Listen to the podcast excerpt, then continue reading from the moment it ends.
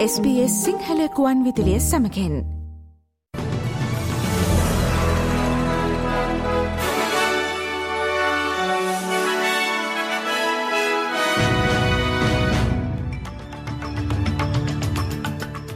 අද දෙසැම්බර මස විසිහය වනදා අඟහරුවාදා. SBS සිංහල සේවේ ප්‍රෘතිගෙනෙන මම දිනේශා දිල්රුක්ෂී විජේසූරිය. ගිගුරුම් සහිත වැසි නිවසෞත් වේල්ස් ප්‍රාන්තය හරහා දිගටම පවතිනු ඇතැයි අපේක්ෂා කරන බව කාලකුඩේ කාර්යාංශය පවසයි. ප්‍රාන්තයේ විශාල කලාපවලට හදිසි ගංවතුර සහ අනිකුත් හානි තවදුරටත් ඇතිවීම අවධානමක් පවතින බවද වාර්තාවෙයි.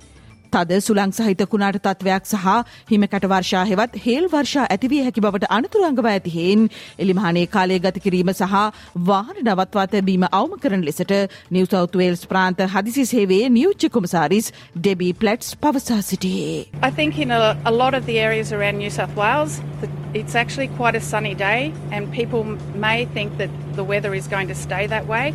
But the bomb are telling us that we are expecting very severe thunderstorms, lightning strikes, large hailstorms, severe wind.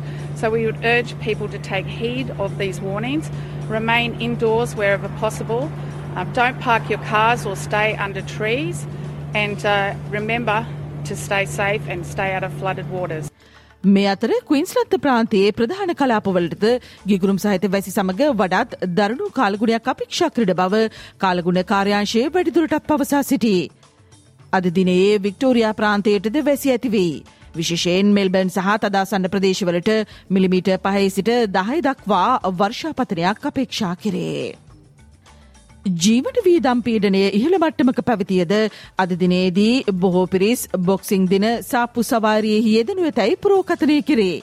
එය භාණ්ඩ විකුණුම් සඳහා ශක්තිමත් දිනයක් වනු ඇතැයි ඔස්ට්‍රලයානු සිල්ලර වෙළඳුන්ගේ සංගමේ ප්‍රධාන විදාහක නිලධාරී පෝල් සහේරා සඳහන් කරායි. We know that um, Boxing Day is a very different consumer mindset. We do exp- expect Boxing Day to be a big trading day.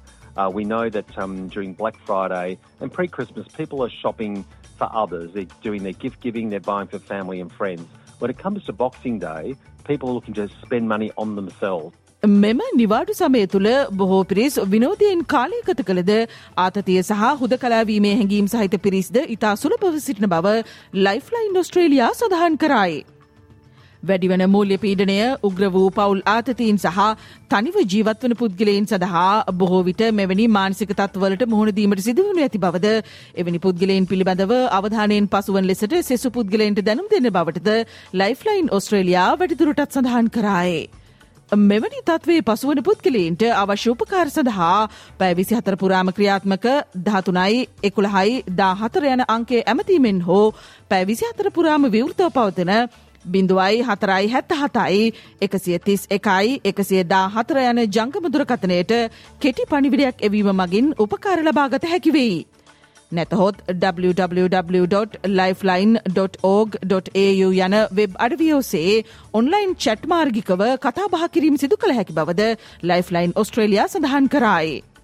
එවැනි පුද්ගලයින් ප්‍රජාව සමඟ සම්බන්ධව සිටීමට නිතරම උත්සාහ කිරීම වැදගත් බව ලයිෆ්ලයින් ඔස්ට්‍රේලියාහි ක්‍රිස් සිරෝකස් පවසා සිටී. You can um, attend community events. There are a number of community events across the country over um, the holiday break, and these events are a good opportunity to meet others. Um, you can uh, create a list of things you enjoy doing, whether it be walking, cooking, writing, drawing. Keeping busy with things you love can help you feel less lonely. And most importantly, um, reach out. Reach out to friends, reach out to family, or reach out to a support hotline like Lifeline. ශ්‍රී ලංකාවෙන් වාර්තාවන ප්‍රවෘති අද මෞබිමෙන් පුවත් විශෂාන්ගෙන් බලාපොරොත්තු වන්න. හමා සංවිධානයට එරෙහි සටන තීවර කරන බව ඊශ්‍රයිල් අගමැති බෙන්ජමින් නෙතනයාහු පවසයි. හමා සංවිධානයට එරෙහිව ඊශ්‍රයිලයෙහි හමුදා මෙහෙයුම් අවසන්වීමට ආසන්න නැති බව ඔහු තම පක්ෂයේ සාමාජිකයන්ට පවසා තිබේ. මේ අතර ඊජිප්තුව සටන් විරාමය සඳහා මැදිහත්වීමට අපේක්ෂා කරන බවත් ඒ සඳහා සැලස්මක් යෝජනා කර ඇති බවත් වාර්තාවේ.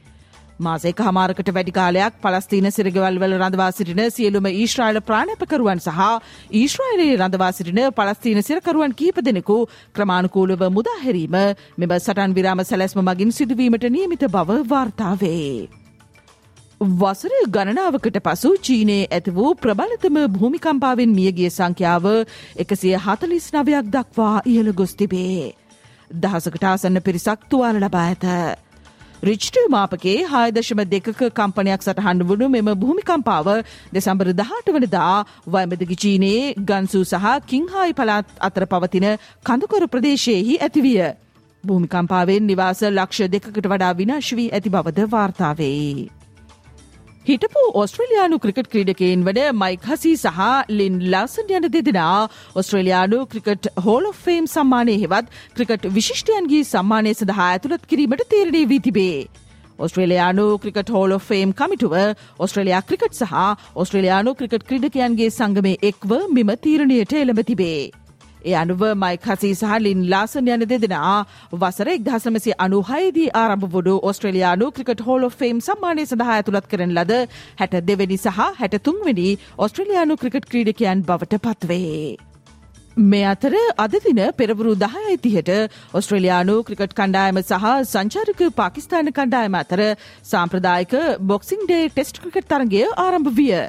පාකිස්ානය කාසියවාසය දිනාගත් අතර පන්දුරැකීම තෝරාගත්තේය. මෙල්බන් වල අද දිනේ පවතින අයහපත් කාලගුණික තත්වය තරගේ සඳහා බලපානු ඇතැයි දැනටමත් අනාවැකි පලකොට තිබේ.